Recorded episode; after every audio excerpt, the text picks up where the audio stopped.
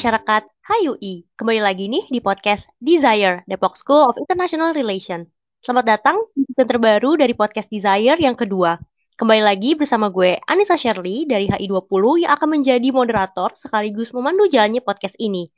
Buat para pendengar yang baru mendengarkan podcast ini, Podcast Desire merupakan sebuah platform yang disediakan oleh Divisi Humas HMHIUI bagi keluarga HIUI untuk dapat berkarya dan saling bertukar pikiran. Di season terbarunya, Podcast Desire tentunya akan membawa topik dan narasumber yang lebih bervariasi loh, jadi ikuti kami terus setiap bulannya ya. Dan di episode ke-6 kali ini, gue udah kedatangan tamu nih. Ada uh, Kian dan Adela dari HI20. Mungkin buat uh, Kian dulu nih kali ini, boleh kenalin dirinya. Hai Kian. Hai Anis, halo semuanya. Kenalin nama gue Kian. Di sini gue sebagai mahasiswa dari HIUI angkatan 2020. Oke, gimana Kian? Nih sehat-sehat aja kan ya selama pandemi ini nggak ada kenapa-kenapa kan ya? Alhamdulillah sejauh ini sih sehat-sehat aja sih Nis karena ya udah kalau keluar rumah selalu patuhin protokol kesehatan gitu.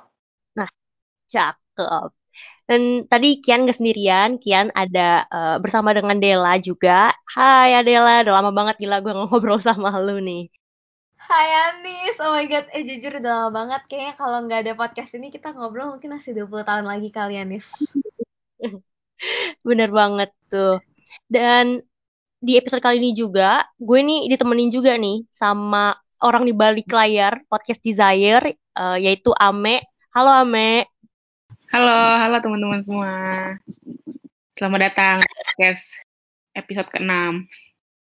Yoi. Apa nih? Kenalan nih. Jadi gak apa-apa kenalan aja, Me. Ini orang di balik layar podcast Desire yang ngedit-ngedit nih adalah Gue denger-denger gara-gara lo tahu narsumnya hari ini gue sama Kian lo langsung mau join, Me. Jadi kok Oh iya benar-benar. Sengaja ya, biasanya cuma balik layar gitu karena biasanya gue ini eh, ngumpanin Anis aja. Enggak lah Anis bercanda. Nah.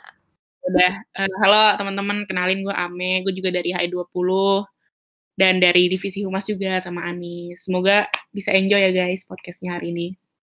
Nah ini ngomong-ngomong masalah tadi um, apa uh, enjoy ini nih kalian nih buat Kian sama Dela nih gimana nih mengawali semester 3 ini dengan tugas kuliah yang semakin banyak nih. Terus juga kan gue tahu nih lu berdua aktif ya di BEM Visip gitu. Pasti uh, banget nih. Enjoy gak nih? Gimana nih? Kesibukan lo pada berdua? Aduh. Aduh. Uh, gimana Ki? lu gimana? Oke, kalau dari gue sendiri sih sejauh ini ya emang kerasa banget ya kalau misalkan uh, kesibukan tuh lagi meningkat uh, cukup drastis baik itu dari akademik Parah. atau non akademik tapi kayak kalau misalkan ditanya apakah gue enjoy atau enggak gue tetap menikmatinya sih. Kalau Adel gimana Del? Jujur gue sebenarnya sama kayak lo sih Ki. Maksudnya kayak gue ngerasa banget semester 3 ini drastis gitu ya. Gue nggak tahu mungkin beban akademisnya apalagi kan matkul HI-nya juga nambah gitu kan matkul internalnya. Terus habis itu kayak bener banget kata Kian kayak proker-proker tuh lagi aduh banyak banget. Dan paruh dua tuh kerasa beda banget sama paruh pertama gitu loh. Terus habis itu udah tanggung jawabnya makin banyak bebannya makin banyak. Dan jujur makin stres iya. Tapi kalau ditanya enjoy atau enggak ya sejauh ini gue masih bisa bilang gue enjoy gitu sih. Karena mungkin kayak lingkungannya dan teman-temannya juga mendukung gitu. Hmm. so. oh. ini jawaban masih aman ya. Tapi lu tadi bilang pada enjoy. Tapi lu pernah gak sih ngerasa yang namanya kayak tadi lu bilang juga kan proker-proker makin banyak nih di paruh kedua. Lu pernah ngerasain kayak overwork gak nih? Mungkin dari Kian dulu boleh? Hmm, kalau misalkan dari gue ngerasa overwork, uh, itu kebetulan pernah sih ngerasa kayak sekitar satu bulan yang lalu lah kayak waktu itu kan lagi liburan tapi kebetulan lagi nyusun proker yang cukup gede juga. Uh, di situ tuh kayak gue ngerasa kayak wah banyak banget yang harus dipegang dan di saat yang bersamaan tuh hmm. gue jadi panitia buat ospek fakultas jadi kayak gue beneran saat liburan itu gue kerjanya itu pindah dari satu zoom ke zoom lainnya gitu sih. Waduh. Sibuk ya pak. Kalau kalau Dela gimana Del? Lu lu ngerasa overwork gak nih kan? Lu sama-sama BEM juga gitu. Uh, Kayak jujur gue ngerasa banget overwork dan bener kata Kian nih, kalau tadi Kian sempat bilang pas liburan ya, gue tuh sejak liburan sampai sekarang gitu sampai masuk semester 3 ini jujur gue lagi ngerasa over overwork banget dan lagi ngerasa kayak aduh nggak ada istirahatnya gitu loh. Maksudnya iya ada istirahat cuman belum yang bener-bener rehat yang kayak bisa ngembaliin semua tenaga gue gitu loh. Karena jadi dari liburan itu tuh kan bisa dibilang mungkin transisi paruh pertama ke paruh kedua gitu kan gue di BEM terus emang kita tuh pas itu lagi nyapin buat proker yang cukup gede gitu Fispres jadi pas itu dari awal gue TW-TW, gue bidding, abis itu gue RPPRDP, dan sekarang akhirnya udah mulai running beneran gitu kan. Tapi dari proses nyiapinnya itu bener-bener liburan tuh pokoknya gue fokus Fispres, dan gue juga sama, gue tuh jadi mentor di PSAK juga kan. Terus abis itu juga masih ada ngurusin berbagai beberapa kepanitiaan lainnya juga dan tanggung jawab beberapa lainnya yang gue pegang. Terus habis itu eh tiba-tiba udah masuk semester 3 aja gitu. Gue berasa belum liburan tiba-tiba udah masuk semester 3 dengan dengan apa ya tugas-tugas yang langsung apa ya langsung numpuk gitu loh. Jadi kayak sekarang tuh gue ngerasanya anjir kayak bener-bener apa ya tugas terus abis itu rapat apa-apa gitu. Jadi lagi bener-bener hektik banget dan gue lagi ngerasa over overwork banget jujur lately gitu Hmm, sama sih sama. Gue juga maksudnya gue juga kan uh, kalau lo kan di BEM, kalau gue kan di himpunan sama um, organisasi uh. ini kan. Jadi kayak wah iya sih overwork banget dan gue sempet yang bener sih kata Dela gue sempet gak ngerasain kayak oh ada liburan ya gitu kan. Ya dan, kan, gak ada gak sih jujur? Iya. Yeah. banget. Tapi abis di kira-kira tuh abis ngobrol sama semua orang gitu tuh kayak itu entah budaya UI atau emang mahasiswa di Indonesia emang pada nggak ngerasain iya. liburan ya. gitu. Ya, menurut gue ini sih. Kenapa? Menurut gue ini budaya mahasiswa pandemi. Benar, benar. Benar, benar, benar, benar, benar. Maksudnya kayak gimana ya? Bener-bener bedanya liburan tuh kemarin cuman ya udah nggak ada kelas gitu nggak ada tugas tapi sebenarnya ya udah lo juga masih kayak Kian yang tadi bilang gitu ya masih pindah dari zoom ke zoom gitu gitu jadi bener-bener yeah, berasa ya udah sama aja cuman bedanya ya gue jadi samsek nggak mikirin HI gitu loh selama liburan tapi itu doang gitu bedanya Iya, padahal kan liburan tuh pengen jalan-jalan sama temen-temen gitu kan. Nah, apalagi kemarin pas liburan lagi ini kan PPKM lagi parah-parahnya tuh COVID. Udah tuh makin mandek ya di rumah ya. Hai, bener banget. Pemutan dah. Bener-bener. Tapi tuh waktu itu juga pas lagi apa? Pas transisi dari liburan masuk semester 3 tuh kayak gue sempet baca gitu kan yang apa sih culture apa hasil culture gitu kan. Dan lu gue sempet sempet kayak aduh jangan-jangan gue hustle culture lagi nih. Menurut lo berdua nih Kian atau Dela hmm. gitu. Kayak definisi apa definisi hustle culture menurut lo tuh apa sih? Mungkin dari Dela dulu boleh. Oke sebenarnya apa ya? Gue ngerasa kalau bagi gue sendiri tuh hustle culture tuh kayak budaya yang ngebuat orang-orang dan mungkin khususnya kita gitu para mahasiswa tuh kayak berlomba-lomba untuk ya udah sesibuk mungkin gitu loh. Kayak mungkin ngambil tugas ngambil job atau tanggung jawab sebanyak mungkin. Terus ya udah berlomba-lomba untuk uh, sibuk mungkin aja gitu. Dan mungkin sebenarnya kadang juga bukan berarti mereka sengaja untuk berkompetisi atau gimana. Tapi tanpa sadar tuh kayak ya iya. udah semua orang tuh hidup dengan budaya yang kayak ya udah nugas rapat terus abis itu apalah kepanitiaan ini kepanitiaan ini kayak ya udah banyak banget. Dan apalagi menurut gue selama masa pandemi ini gitu jadi orang-orang tuh kayak belum belum untuk di sosmed tuh kelihatan kayak anjir nih gue paling sibuk gue apa-apa gitu. Dan kayak ya udah lebih karena pandemi karena online semuanya tuh jadi lebih susah untuk nentuin mungkin kayak batas yang jelas gitu antara lo refreshing sama antara lo masih sebenarnya kerja gitu. Kayak misalkan rapat nih ya udah sebenarnya pas udah kelar rapat mungkin masih ngobrol-ngobrol gitu tapi tanpa sadar ya udah lo masih zoom lagi zoom lagi gitu. Ngerti gak sih? Iya setuju setuju. Gitu. Kalau yang lain gimana nih? Setuju banget. Nih kalau pandangan gue ya tentang hustle culture sebenarnya itu nggak jauh beda dari Adele. Cuma tuh kalau misalkan dari yang gue lihat adalah orang-orang tuh beneran berlomba-lomba tentang masalah produktivitas. Apalagi pas nah, pandemi bener, bener, ini batas antara kehidupan personal dan kerjaan itu tuh makin tipis. Jadi orang-orang kayak ya udah karena batasan antara kehidupan pribadi dan kerjaan udah makin kabur ya udah uh, gue bakal ngelakuin apa pun yang gue bisa biar semakin produktif gitu. Bener. itu yang banyak gue lihat di mindset orang-orang. Iya ya boundariesnya tuh jadi jadi nggak jadi nggak ada gitu nggak ya, sih antara kehidupan uh, lo kuliah sama istirahat lo tuh jadi jadi kabur semua banget. gitu Apa, kayak iya. harusnya kan ada apalagi kan semuanya dilakukannya di laptop gitu ya. Jadi kayak bener-bener ya udah lo lihat layar tuh bisa 24 per 7 gitu loh kayak bener-bener nggak kerasa ada rehat gitu. Ya sih bener sih berasa. Tapi lu merasa nggak nih lu berada di dalam hustle culture gitu? Atau yang lebih mungkin yang lebih uh, ekstrim lagi toxic productivity gitu? Atau kayak sebenarnya enggak sih gue biasa aja gitu sama kegiatan-kegiatan proker-proker ini gitu. Lo gimana Kian? Uh, kalau misalkan gue ditanya apakah gue ngerasa ada di dalam hustle culture, uh, jujur iya gue ngerasa gue ada di dalam situ. Karena kayak ya gue uh, menjalani kehidupan gue dikelilingi oleh orang-orang baik itu di HI atau bukan di HI yang kayak mereka orang-orangnya sangat produktif juga. Tapi itu bukan sekedar karena ah orang lain produktif gue ngikut tapi di satu sisi gue juga kayak ya udah gue uh, bakal berusaha seproduktif mungkin dan kadang tuh kayak itu suka uh, bikin gue kewalahan gitu sih. Oke okay, oke. Okay. Tapi untuk toxic productivity nggak nggak nyampe kayak gitu ya? Nah kalau misalkan toxic productivity itu gue bilang sih belum mencapai titik itu, tapi itu emang kadang ada di saat kalau misalkan gue nggak ada kerjaan atau gue lagi istirahat nggak produktif, gue tuh kadang hmm? suka sampai mikir kayak uh, kok ini gue nggak ada kerjaan terus kayak gue jadi ngerasa bersalah gitu. bener banget bener banget. Berasa ada yang kurang kayak aduh apa gue salah? Iya, apa gue ngelupain sesuatu ya. gitu gak sih Ki? Gak tenang ya? Iya jadi gak tenang. Banget. Tenang bener malah gak, gak tenang kalau gabut. Nah itu berarti lu udah tanda-tanda tuh Del. Hati-hati. Tanda ini aduh toxic toxic toxic tolong. Tapi gue mau nambahin boleh nggak nambahin? Boleh silakan silakan. Kan tadi kalau Kian dia bilang gara-gara ini kan Ki lingkungan gitu. Kayak lu terpacu juga gara-gara lingkungan yang emang uh, apa produktif gitu.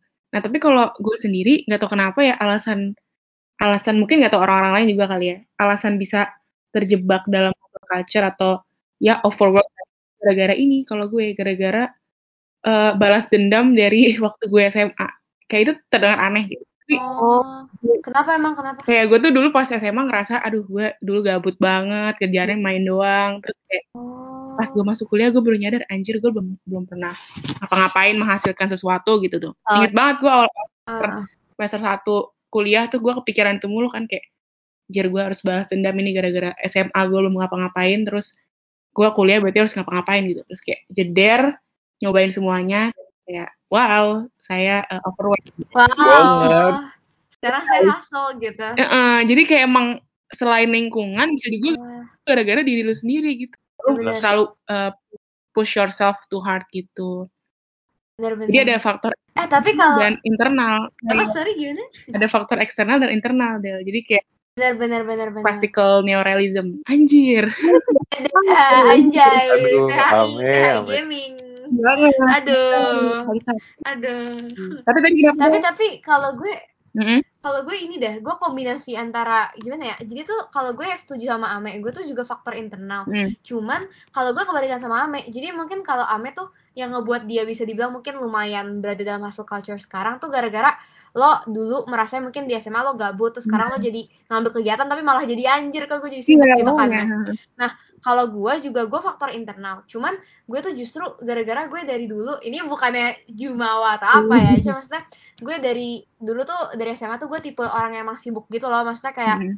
dari dulu ya udah emang gue ikut uh, dulu gue ikut osis dan beberapa organisasi lainnya. Terus habis itu gue juga suka ikut kegiatan yang di luar sekolah. Terus gue juga pokoknya banyak hal lah jadi kayak gue selalu ada gitu yang yang gue lakukan tiap hari dan apalagi yeah. dulu pas SMA kan gue masih lumayan ambis gitu kan jadi ya udah kayak pasti tiap hari ada aja gitu yang gue kalau nggak gue belajar gue uh, nugas bareng teman gue kerja kelompok atau nggak perorganisasian gitu hmm. nah jadinya pas kuliah tuh gue nggak bisa gabut gitu karena kayak gue udah terbiasa dengan mungkin bisa dibilang kayak lifestyle gue atau pace apa ya mungkin kayak pace kehidupan sehari-hari gue yang tiap hari ada aja yang gue kerjain gitu loh. Kayak ada aja gitu yang gue lakukan. Nah jadinya hmm, dan gue udah dan sebenarnya emang gue juga ngerasa gue emang punya passion gitu kan di bidang kayak organisasi gitu-gitulah. Emang gue suka sebenarnya ngurusin segala hal kayak gitu. Nah jadinya ke bawah sampai sekarang makanya kan sekarang gue juga ikut bem dan ikut beberapa hal. Sebenarnya hal yang gue ikutin tuh samsek nggak ada. Gue nggak ada niatan kayak oh, gue pengen berlomba-lomba atau gue pengen apa ya ngikutin orang orang yang sibuk gue nggak pengen kalah gitu dari mereka. Gue tuh sama sekali nggak ada perasaan kayak gitu tapi justru gue lebih kayak gue apa ya gue yang nge-pressure diri gue sendiri gitu loh. Kalau misalkan gue harus bisa gue harus kayak gini-gini. Karena kalau gue gabut jatuhnya gue malah jadi aduh malah gue jadi stres sendiri gitu loh kalau nggak ada yang gue kerjain. Hmm. itu jadi sebenarnya kalau bilang apakah gue berada dalam hustle culture gue cukup merasa. Karena memang ya bisa dilihat waktu tidur gue kurang terus kayak ya udah emang main hustle gitu sehari-hari. Dan kalau dibilang toxic productivity mungkin belum sampai yang toxic yang gimana. Tapi ya bener kata Ame udah mulai ada tanda-tandanya gitu loh. Kayak gue kalau gabut gue malah aduh bingung ngapain terus malah ngerasa bersalah. Kayak ya udah kayak aduh pengen banget selalu ada aja yang gue kerjain gitu loh. Kalau misalkan gabut aneh banget gitu. Iya, bener banget Idal. Nah, ini masih berhubungan nih. Oh ya, BTW ini sekarang dia melanjutin Anis ya, karena kan tadi Anis sudah sempet eh, bahas soal hustle culture, sekarang gue bakal bahas efek dari hustle culture itu. Nah, ini sebenarnya agak sensitif nih, cuman pernah nggak sih kan tadi setelah kalian merasakan hustle culture itu, terus kalian jadi burn out dan atau bahkan bisa dibilang sampai mentally drain gitu. Dan kalau misalnya pernah, kalian kira-kira gimana cara buat ngatasinnya? Dari Kian dulu mungkin, pernah nggak Ki? Oke, kalau misalkan ke kalau misalkan apa? Eh, ngerasa burn out terus sampai ke mentally atau physically draining.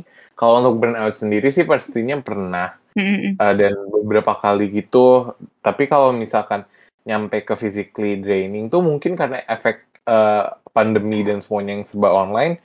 Kayak untungnya eh, belum pernah sih kalau misalkan sampai ngaruh ke fisik gitu. Nah tapi kalau misalkan mentally draining, ya itu jujur banget kayak iya itu tuh kadang suka kerasa gitu kalau misalkan gue lagi banyak kerjaan barengan sama banyak tugas itu tuh kayak gue beneran ngerasa kayak ya udah gue dari awal uh, ngerjain tugas kerja ngerjain kerjaan atau kuliah terus jadinya tuh kayak gue beneran yang ya udah coping gue coping mechanism gue itu udah gue kabur tidur aja gitu. Sama sih sama Benar-benar. Itu dibutuhin sih, dibutuhin sih. benar benar benar. Tidur tuh Take emang benar.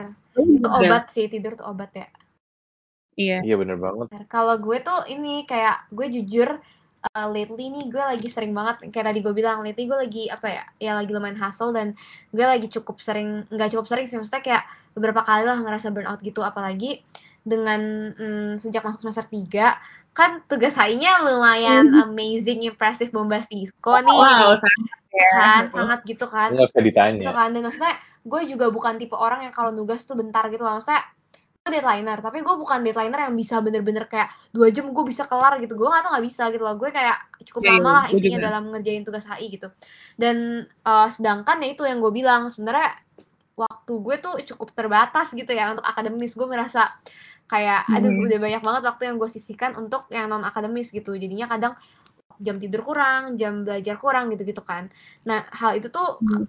sering banget ngebuat gue ngerasa mentally dan physically drained gitu semester 3 ini. Nah, cuman sebenarnya kalau gue coping mechanism gue mungkin berbeda sama Kian. Gue tuh lebih ke mungkin kalau Kian tidur me time gitu kan.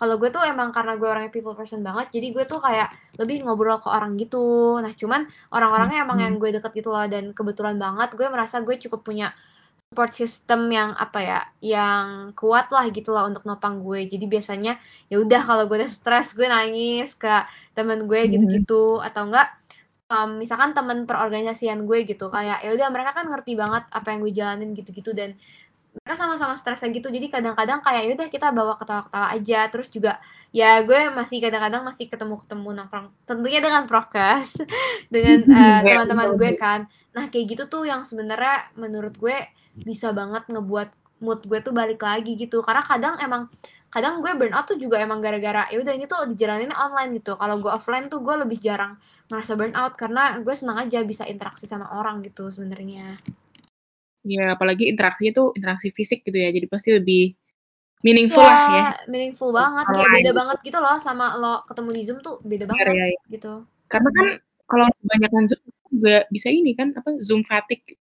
Kayak sering Iya, banget. iya. iya Heeh. Nah, jujur banget gue pengen nambahin juga nih kayak kebetulan tuh kayak Hmm. uh, gue mirip-mirip sama Adele gitu lah pas SMA gue juga cukup aktif.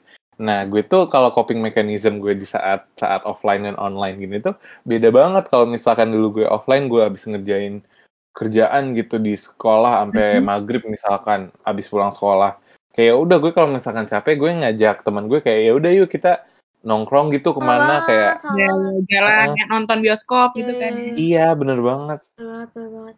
Terus kayak maksudnya, iya tapi bener nonton bioskop tuh satu ini banget tau. Maksudnya kayak itu hal yang bener-bener ngebuat refreshing banget bagi kita-kita gitu gak sih nonton bioskop? Iya, iya. iya setuju banget Banget. Naik Gojek aja refresh buat gue. Kayak hidup hidup offline tuh lebih refreshing gue. Kayak dulu kalau misalkan masih offline tuh ya udah lo bisa nugas bareng temen gitu. Kayak meskipun mungkin tugasnya ya udah lo tetap kerjainnya secara individu. Cuman dengan Hmm. lo sama temen tuh lo jadi terpacu untuk ayo harus kelarin, abis itu bisa main, bisa ngobrol gitu loh. Sedangkan kalau Nah, iya, iya. sekarang gue ngerjain sendiri tuh kayak aduh gue berasa aduh nggak tahu deh gue lebih sering demot gitu jadinya Iya bener. Apalagi di rumah sendi bukan sendiri sih, tapi kan kita kayak ya di depan laptop sendiri gitu. Jadi kayak iya apa apa sendiri apa apa sendiri gitu iya.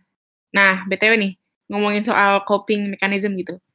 Eh, gue sering dengar kan katanya kalau misalnya kalian lagi burn out atau apa gitu bisa detox sosmed. Nah, kalian pengen nyoba nggak atau udah pernah nyoba kayak menjauh di sosial media? Kalau gue jujur nggak bisa. Kalau kalian gimana? Gue nggak Nah, kalau gue jujur bisa, gue. Kerjaan gue di sana aja. benar benar nah kalau gue tuh jujur banget gue tuh eh gue selama dulu dulu gue sebelum kayak pandemi ini kalau detox sosmed tuh nggak pernah tapi kayak gue tuh penasaran gitu sih dengan adanya kayak detox sosmed lu nggak megang sosial media gitu tapi tuh eh, gue tuh belum pernah bisa nyoba itu karena kalau Nah, misalkan detox sosmed sekarang adanya gue bakal dicariin ke mana-mana Nah, bener, gitu. Bener banget. Sama Kerjaan sama sama kayak Kian. Kerjaan tuh semuanya ya ya ada di sosmed gitu kan nggak bisa banget. Dan terutama kalau gue nih mungkin sebenarnya kalau detox kan udah pasti nggak memungkinkan kayak tadi Kian bilang. Tapi kadang tuh gue pengen gitu loh kayak misalkan sehari nggak buka lain Samsung gitu. Kayak kadang gue tuh pengen fokus nugas jadinya gue pengennya nggak terdistraksi sama lain nih terutama cuman kan gue Oh. di BEM tuh gue humas kan terus kayak gue megang kayak kalau di humas BEM tuh kayak gue yang ngerevisi eh, departemen atau biro atau bidang yang iya yang gue SS-in gitu. Nah jadinya tuh dan maksudnya ya belum tentu tiap hari ada. Cuman kan kayak gue harus siap dong kalau misalnya ada revisian. Nah jadinya tuh gue nggak bisa nggak megang lain dalam sehari gitu loh. Gue harus on terus atau nggak maksudnya at least kayak ya ada megangnya lah dalam tiap dua jam sejam dua jam gitu jadi makanya gue juga kayak kadang itu yang tambah membuat gue stres kayak aduh gue kayak gue pengen gak buka lain tapi gue nggak bisa gue takut ada revisian ada apa gitu-gitu sih jadi susah banget untuk detox detox, detox sosmed gitu Kalau lu gimana nih tadi nis? Gara-gara kerjaan juga ya? Kerjaan tuh? Iya, nggak nggak mungkin gak sih kalau misalkan kayak maksudnya kan online, terus semua se- semua lewat online dan semuanya proker-proker itu kan kayak proker apa pun pasti dipostingnya lewat sosmed. Terus kayak nah lu promosi proker lu nggak mungkin dong kalau nggak kalau nggak pakai sosmed gitu kan. Jadi kayak menurut gua kalau misalkan gua detox sosmed sekarang itu jatuhnya egois gitu loh Iya, eh, buat tapi gue. Iya sih kayak bener sih bener sih Jadi Iya, intinya iya. ada dilema ya antara kewajiban dan apa namanya? Gede detox sosial media. Tapi kalau gue sendiri pengen sih coba ngerasain. Kayak mungkin nanti pas pengen liburan, pas liburan tuh gue bener-bener co- pengen nyoba buat ya bener-bener liburan untuk diri lo sendiri, keluarga, temen-temen. bener banget. Gue pengen ini sih kalau misalkan lagi liburan bareng teman terus ya udah gue bisa nggak megang gitu. Iya bener, gak ada yang dikhawatir. Oh biar bisa spend time gitu cuman kalau sekarang gue detox tuh jatuhnya aduh nanti Iya, gue iya, bo- bosen juga sendiri jenuh juga gitu karena lagi online kan bener-bener. Ya gila, gila, gila. Emang ya kadang tuh suatu hal ada baik dan buruknya. Gila. Nah, Nah, Hmm, lanjut nih ya, gue pengen nanya juga nih. eh Lanjut.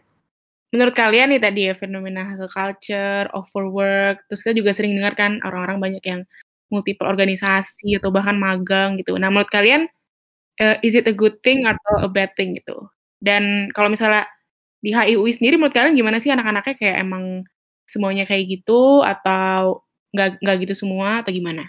Mungkin dari siapa dulu nih? Adel kali ya? Hmm. Hmm, sebenarnya kalau menurut gue kenapa anak-anak kuliah zaman sekarang itu suka banget ya itulah kayak double device uh, multiple organisasi gitu-gitu itu tuh sebenarnya gue karena situasi PJJ gitu sih balik lagi kayak maksudnya hal sesimpel kayak gini ya kayak kalau misalkan lagi offline ya udah gitu loh misalkan misalkan lo megang dua kepanitiaan atau dua organisasi gitu terus emang Hmm. dua-duanya lagi rapat at the same time kayak ya udah mau nggak mau lu akan bilang ke satunya ya mungkin tergantung prioritas atau tergantung apa yang udah direncanain terlebih dahulu tapi lo akan bilang ya udah nggak bisa gue harus ke A gitu loh karena Hmm. jamnya sama ya lu nggak mungkin membelah diri lo gitu tapi Iya, iya. sekarang jatuhnya maksudnya apa ya orang tuh udah nggak bisa nerima excuse kayak gitu kadang dan mungkin karena Hmm. orang-orang kayak ya udah lo juga bisa double device gitu lah selama lo punya dua device ya maksudnya lo bisa double device apa apa hambatannya gitu untuk lo nggak bisa hadir di kedua rapat tersebut gitu apalagi kadang dua-duanya penting dan kadang tuh Mm-mm. juga nggak bisa digeser waktunya karena ya balik lagi orang pas masa pandemi nih mereka nganggapnya yaudah gue bisa ngambil sebanyak-banyak mungkin gue bisa ngambil sebanyak se eh, beragam mungkin deh hal yang bisa gue kerjain tapi Hmm. ujung-ujungnya ya jadwalnya nabrak gitu dan jadwal orang-orang tuh pasti beda-beda. Jadi kan kayak lo nggak bisa ngikutin terus tergantung kapan lo lagi free gitu kan. Menurut gue itu sih jadi karena emang situasinya pandemi gitu dan apa ya kadang eh, orang tuh juga mungkin nggak ngerti kalau apa ya situasi pandemi kan ngebuat kita mungkin gue nggak bisa setahu itu gitu loh Ame itu sebenarnya sehari-hari ngapain aja ketimbang kalau misalkan gue lagi offline nah hal itu yang ngebuat mungkin kayak jadi kita nggak ngerti situasi atau kondisi orang lain jadi kadang bikin jadwal ya udah gitu itu sesuai asumsi kita aja kita nggak mikirin kayak orang tuh sebenarnya lagi sibuk apa lagi sih selain di hal A gitu ngerti gak sih Hmm. gitu Apalagi kalau Sekarang Apa? tuh kalau rapat kan sering banget gak sih jam 7 malam kayak sampai capek gitu. Ngeliat rapat jam 7 Itu iya malam. banget. bener Pokoknya ja- jam 7 malam itu waktu di mana semua orang Iya, lagi zoom. bener Bener. sumpah sumpah sumpah jarang banget tuh makan di bawah makan bareng keluarga gue gue Iya, selalu, weh, bener-bener. selalu makan sendiri gara-gara rapat jam 7 Iya. malam Tapi menurut gue ini sih kalau masalah kayak tadi tuh double device itu lama-lama menurut gue bisa apa ya? Kayak bisa bahaya gitu kan, jadi bahaya. Cuman kan kayak lu ngerasa gak sih kalau lu double device gitu? Ya lu gak, ada, gak dapet poinnya di antara sama antara rapat sama itu banget sama ada banget lo ada yang lo ini kan ada yang lo Iya. baikkan lah apalagi gue gue tuh nggak multitasking jadi malah jatuhnya bener kata Ame dua-duanya gue malah nggak dapet gitu ya heeh, heeh. jadi kayak wasting time juga kadang maksudnya kayak anjir bener apa nih gitu tapi ada tahu ada orang yang beneran emang bisa multitasking dan emang dia bisa dapet intisari dua-duanya gitu kalau dia double Hmm. device nah itu balik lagi ke kemampuan orang-orang ya ada yang emang betul Nah, gue sih kurang kalau misalkan ngomong itu, eh, kalau gue tuh tipe orang yang kalau misalkan double Hmm. device, biasanya gue masih bisa gitu buat ah kayak gila lu Ki. nangkep bahasannya. Tapi kayak lagi-lagi kayak eh cuma tuh kalau misalkan double device, kalau misalkan na- disuruh nangkep bahasannya Hmm. doang, itu gue masih bisa. Cuma tuh kan kadang ada eh, double device yang menuntut lo untuk aktif di dua-duanya. Nah kalau itu gue baru nggak bisa karena ya udah kalau misalkan ada dua zoom di saat yang Hmm. bersamaan, pasti gue bi- bisa lebih aktif di satu daripada yang lain bener karena bener kan bener ya nggak mungkin lo on mic Hmm. lo ngebelah badan lo jadi dua gitu untuk Hmm. ngomong iya kan. iya ya, dan menurut gue itu harus dikurang-kurangin sih kayak maksudnya gak dari kita Setuju doang tapi ya dari, yang ada yang rapat ya kayak kalau misalnya hampir semua orang yang lagi rapat da- dop dev sama aja bohong gak sih? Kayak iya iya. orang jadi nggak Iya. fokus dan lain-lain gitu. Tapi Me, kadang tuh suka ada ini tau. Kayak kadang tuh kayak gue suka ikut beberapa kepanitiaan yang kayak eh, oh yaudah kalau emang nggak bisa nggak apa-apa drop dev aja. Nah, Jadi kayak iya. emang dimaklumin iya. Kayak kayak gitu. bener bener bener. Kan? Kayak maksud gue kalau nggak bisa ya udah nggak usah ikut ngapain dop dev gitu loh kayak. Mm-mm. Padahal tuh gue ser- eh, gue sebenarnya lebih memaklumi orang yang izin gak bisa ada rapat dibanding kayak sama. job dev gitu. Soalnya kayak Sama. ya butuh, butuhnya lo gitu, bukan butuh. bener. Nah, daripada nah, lo dop dev atau lo AFK mendingan lo nggak ikut samsek kalau gue sih gitu anjir. Iya iya, atau enggak at least uh, not to land lah ya gitu, baca gitu. ya heeh, Kalau iya baca nama nama aja. doang Benar, kayak hmm, sayang banget gitu. Hmm. Nah kalau tadi kan soal ini nih ya job dev gitu. Kalau menurut kalian yang suka multiple organisasi gitu, menurut kalian bagus atau malah kayak janganlah gitu. Sebagai orang Kian nih Kian ya. Kalau menurut gue, kalau orang multiple organisasi itu tuh Hmm. nggak apa-apa banget. Tapi lagi-lagi jangan sampai karena lo punya multiple organisasi, lo nggak punya waktu Oh. buat diri sendiri. benar Jadi sih benar. intinya as long as lo bisa ngejalaninnya nggak apa-apa. Tapi ya lagi-lagi jangan lupa istirahat, jangan lupa me time segala macam Hmm. gitu biar kayak lo dapat benefit dari organisasi itu tapi mental health lo juga tetap jaga gitu sih kalau kata gue kalau sebenarnya kalau gue kalau menurut gue gini sih sebenarnya tergantung dari seberapa organisasi itu kayak uh, seberapa lo terikat dengan organisasi itu dan seberapa demanding organisasi itu gitu. Maksudnya kayak ada mungkin organisasi yang lebih jatuhnya mungkin lebih semacam komunitas gitu ya, yang hmm. nggak hmm. semengikat itu dan maksudnya lo nggak terlalu di kayak um, apa ya? Mungkin tugas-tugasnya juga nggak semenumpuk itu. Nah menurut gue ya udah selama lo bisa imbangin itu dan lo nya sendiri masih bisa handle tuh nggak apa-apa. Tapi hmm. kalau dari gue pribadi gue um, kalau gue sih sekarang sebenarnya organisasi gue cuman M kan sisanya tuh mungkin kepanitiaan sama komunitas gitu. Mm. nah tapi itu aja menurut gue gue udah sulit untuk mengimbanginya gitu. Kayak gue udah berasa ya udah gue ujung-ujungnya uh, gue co lebih condong ke satu hal gitu loh. Kayak gue lebih fokus ke satu hal dan gue jadi mungkin mm -mm, mungkin gue kadang nggak maksimal ke yang lain atau gue nggak bisa memberikan uh, apa ya gue nggak bisa memberikan effort gue semaksimal dari organisasi yang gue utamakan gitu. Hmm. Nah, jadi kalau kayak gitu jatuhnya gue sadar juga mungkin jadinya gue agak apa ya? Ya mungkin some way mungkin bisa nyusahin orang lain gitu kan. Jadi sebenarnya kalau dari gue mendingan ya udah know your limit and kayak lebih baik fokus ke hal yang emang lo udah utamain dan lo mau hmm, apa ya? Lo mau pastiin bahwa lo akan enjoy di situ gitu lo jalaninnya gitu. Nah, iya setuju banget sama yang Adel omongin. Gue tuh pengen nambahin juga kayak kalau misalkan uh, bedanya organisasi ke, sama kepanitiaan kan organisasi itu ya udah jangka panjang uh. dan emang mengikat kalau gitu kan. Sementara hmm. kalau kepanitiaan kan relatif jangka pendek gitu. Nah, gue tuh sama kayak Adel buat saat ini tuh gue cuma ngejalanin satu organisasi dan kayak gue rasa untuk nambah lagi tuh kayak itu Benar. sangat sulit gitu. Banget. Jadi kayak lo nggak akan fokus Bener -bener. gitu sih. Bener banget. Terus ini nggak sih Ki, kayak mungkin kalau menambahin lagi, sebenarnya kalau yang membedakan organisasi dan kepanitiaan, mungkin organisasi tuh lo lebih punya sense of belonging kan. Mm -hmm.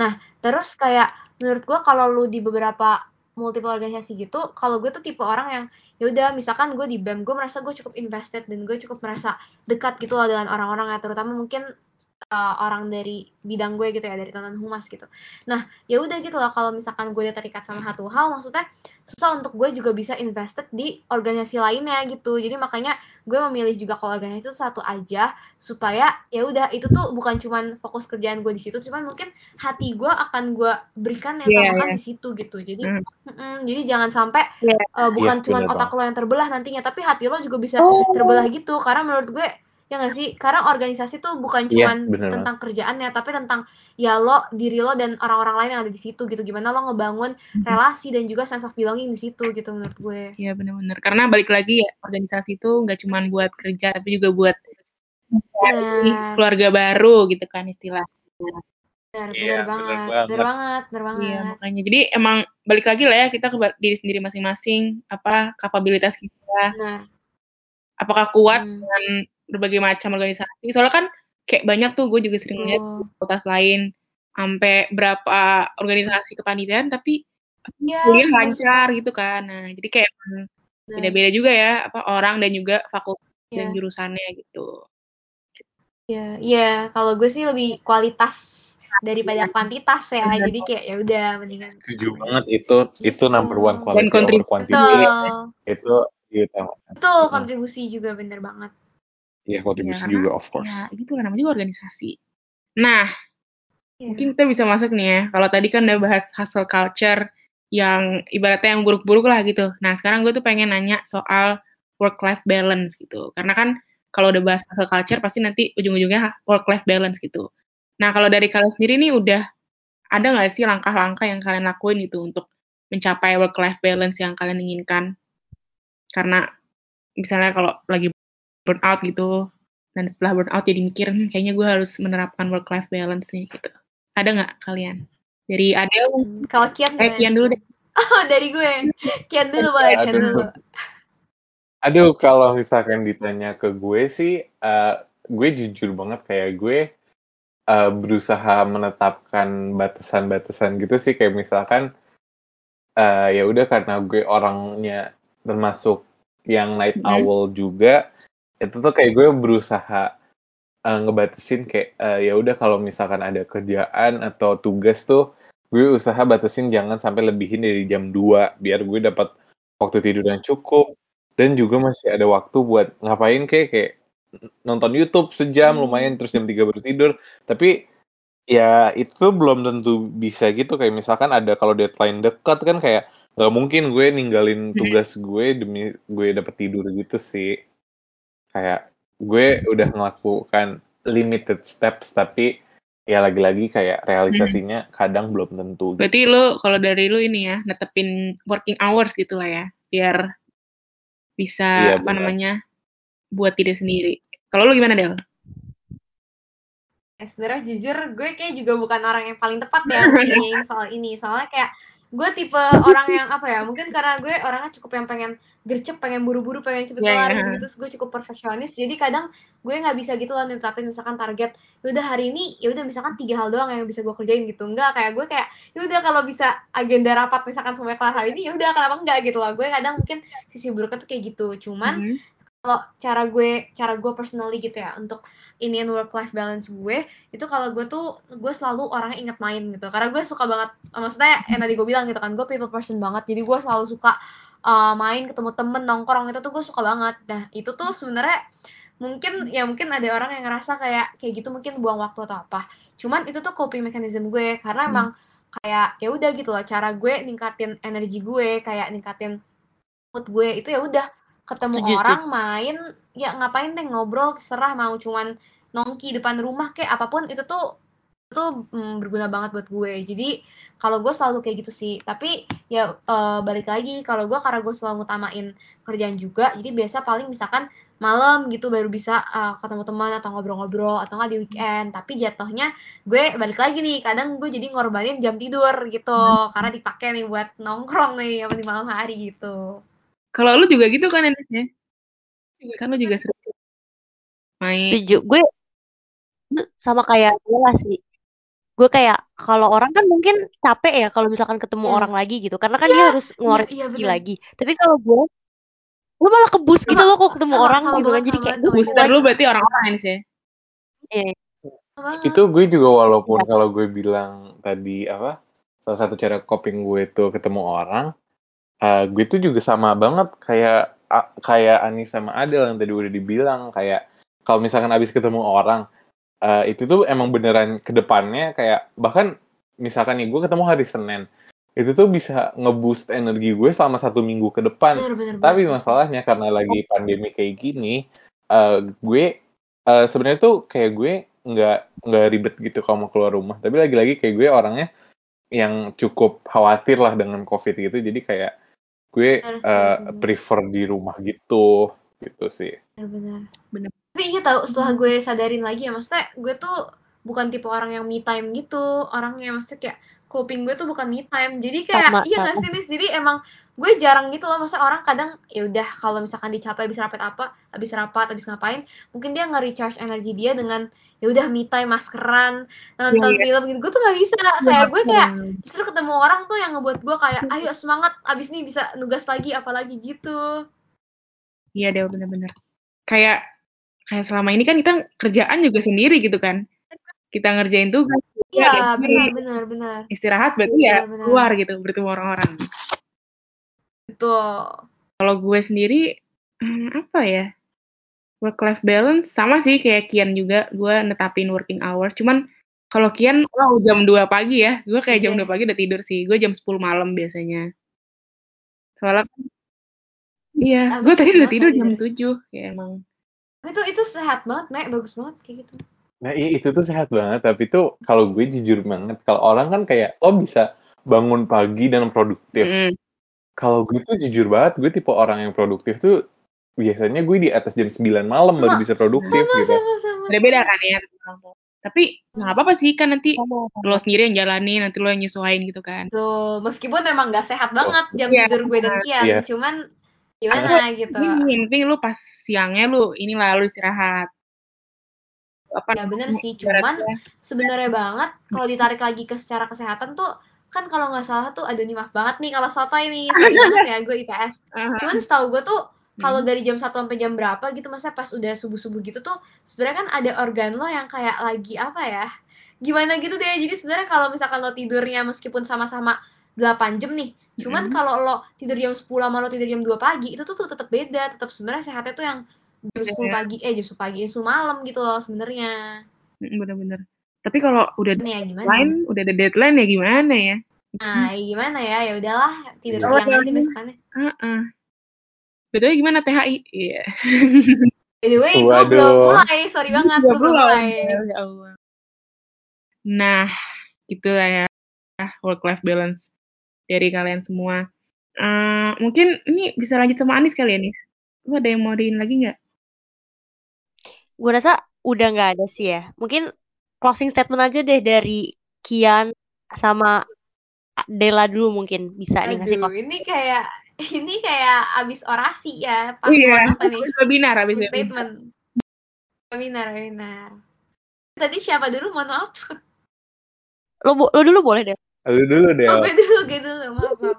Oke, ah kalau dari gue sendiri sih, jujur, hmm, gue sendiri, gue paham banget, mungkin tentunya bagi para mahasiswa ya, emang sulit banget untuk bisa keluar dari yang namanya hustle culture dan toxic productivity gitu. Cuman, balik lagi, menurut gue, lo yang paling tahu diri lo, dan emang you're the one who's supposed to know kayak your limit gitu loh. Itu lo yang tahu gitu. Jadi, meskipun mungkin orang bisa sesibuk apa, bisa seproduktif apa, bisa punya jadwal sepadat apa, nggak usah dibanding-bandingin gitu loh. Kayak lo yang tahu diri lo, lo yang tahu limit lo, lo yang tahu kapan lo bakal capek, kapan lo bakal burn out, dan lo yang tahu juga nanti em, kayak lo seberapa lo bisa handle satu hal gitu loh. Jadi ya udah em, lo atur aja se- sesuka lo, sebisa lo gitu. Jangan sampai ngambil sesuatu yang ujung-ujungnya bukan cuma nanti cuma ngeri, bukan cuma ngeribetin diri lo, tapi endingnya bisa ngeribetin orang lain. Karena tentunya kan Mhm. kalau lo kerja di organisasi, lo kerja di apa, ya itu bareng orang gitu loh. Jadi jangan cuma mikirin diri lo, tapi pikirin orang lain juga. Nah, terus satu hal lagi yang mau gue ingetin, sebenarnya kalau capek-capek gitu nggak apa-apa. Cuman ingat bahwa uh, itu semua tuh tetap harus diimbangin gitu. Jadi jangan lupa untuk main atau me time atau apa pun coping mechanism lo, lo harus tahu gitu loh cara lo ngatasin kalau burnout ya nggak apa-apa, tapi lo harus tahu cara ngatasinnya dan itu semua harus bisa nge-recharge energi lo lagi untuk balik karena ya balik lagi kayak ya kita tetap harus kerja gitu dalam hidup gitu apa pun itu uh, caranya. Dan yang terakhir jangan lupa untuk apa pun yang semua yang lo ambil itu tetap menurut gue harus sejalan dengan apa yang menjadi mungkin bisa dibilang passion lo, minat lo. Yang penting lo enjoy gitu loh. Jadi kayak lo stres-stres, lo capek-capek, tapi pasti lo yakin bahwa ada hal baik yang lo dapetin dari itu dan lo bisa have fun deh intinya menurut gue gitu. Work hard, play hard ya. Yeay. Gitu. Gila, gila. Gila, gila. Kalau lo Kian gimana? Eh, Oke. Kalau closing statement dari gue, eh, mungkin gue cuma nambahin dikit aja dari Adele. Kayak gue tuh setuju banget tentang kayak eh, yang tahu tentang limit diri lo itu ya udah diri lo sendiri. Kayak eh, nggak ada bagusnya dengan ngebanding-bandingin produktivitas yang lo punya terhadap produktivitas orang lain karena emang semua orang beda. Jadi kalau misalkan emang lo ngerasa bahwa lo eh, sekarang eh, berada dalam bagian hustle culture kayak itu nggak apa-apa. Eh, lo pengen seproduktif mungkin itu nggak apa-apa. Tapi ingat lagi bahwa semua orang punya limit dan tugas utama lo adalah mengetahui limit lo itu di mana. Jangan sampai lo ngelewatin limit itu terus mental dan fisik lo ngedrop dan akhirnya itu ngerugiin diri lo sendiri dan juga ngerugiin orang lain. Eh, terus juga jangan lupa kalau misalkan ya emang eh, kita tuh eh, nggak ada bagusnya gitu loh nyamain kayak oh orang lain tuh ikutan tiga organisasi maka kita harus tiga juga itu nggak gitu karena kayak lagi-lagi eh, selain emang tiap orang beda-beda kayak hidup lo tuh hidup lo bukan hidup orang lain jadi jangan ngikutin gitu sih. Gila nih, keren banget ya gue. narsum kita nih hari ini. Nggak salah pilih. Waduh. Kan Astaga, peresnya. bisa aja Oke. Oke deh, mungkin ini kali ya, sebelum closing gue simpulin dulu kali ya. Jadi, hustle culture dan toxic productivity ini emang lagi meningkat banget di zaman uh, mahasiswa online sekarang ini dan sebenarnya bisa berbahaya banget kalau keterusan dan bisa ngaruh ke kondisi mental dan fisik juga. Nah, salah satu caranya tadi adalah untuk mengatasinya dengan nerapin work-life balance secara perlahan-lahan. Dan jangan lupa untuk tahu batasan limit kemampuan diri kita sendiri dan gak usah terbawa sama hustle culture lingkungan sekitar kita yang justru bakal ngerugiin diri sendiri. Kurang lebih gitu ya tadi ya Kian sama Dela ya. Tuh, Bener Lansi. Oke deh. Nih gila banget nih, Me. Ini yang tamu yang diundang keren banget nih, Me. Thank you banget Dela sama Kian nih, ibu orang-orang. Thank you banget bisa sih. Makasih ya, makasih udah ngebuat saya makin hustle sampai saat ini. Bercanda, bercanda. Bercanda. Aduh, tapi tapi bener banget kayak yang tadi juga diomongin kayak walaupun ini iya kerja malam-malam tapi karena bisa Iya, ngobrol sama bikin kalian itu nggak kehitung kerja Booster jadi banget. refreshing Oh malah. my god. Besok undang lagi kali, Me. Hah? Apa apa? Besok undang lagi kali ini. Ngejilatnya pinter nih. Aduh. Ngalus nih, ngalus. Jadi co-host ya, Nis. Nah, boleh tuh. Astaga, kok hostnya jadi jadi empat sekarang ada hostnya. rame itu, rame, rame. Rame banget. Oke deh. Mungkin udahan dulu kali ya. Ini udah malam juga. Dan kalian pasti, aduh, sibuk banget. Nanti kita ketemu seribu purnama lagi nih kayaknya. Oke deh. Astaga. Oke, gue Anissa Shirley selaku moderator pada episode kali ini. Dan Ame juga, gimana nih, Me? Iya, eh, terima kasih buat teman-teman yang udah dengerin nih sampai akhir. Semoga eh, pelajaran dari podcast ini bisa diterapin ya di kehidupan masing-masing. Gitu. Oke deh. Oke, gue Anissa pamit undur diri. Sampai berjumpa di episode-episode selanjutnya.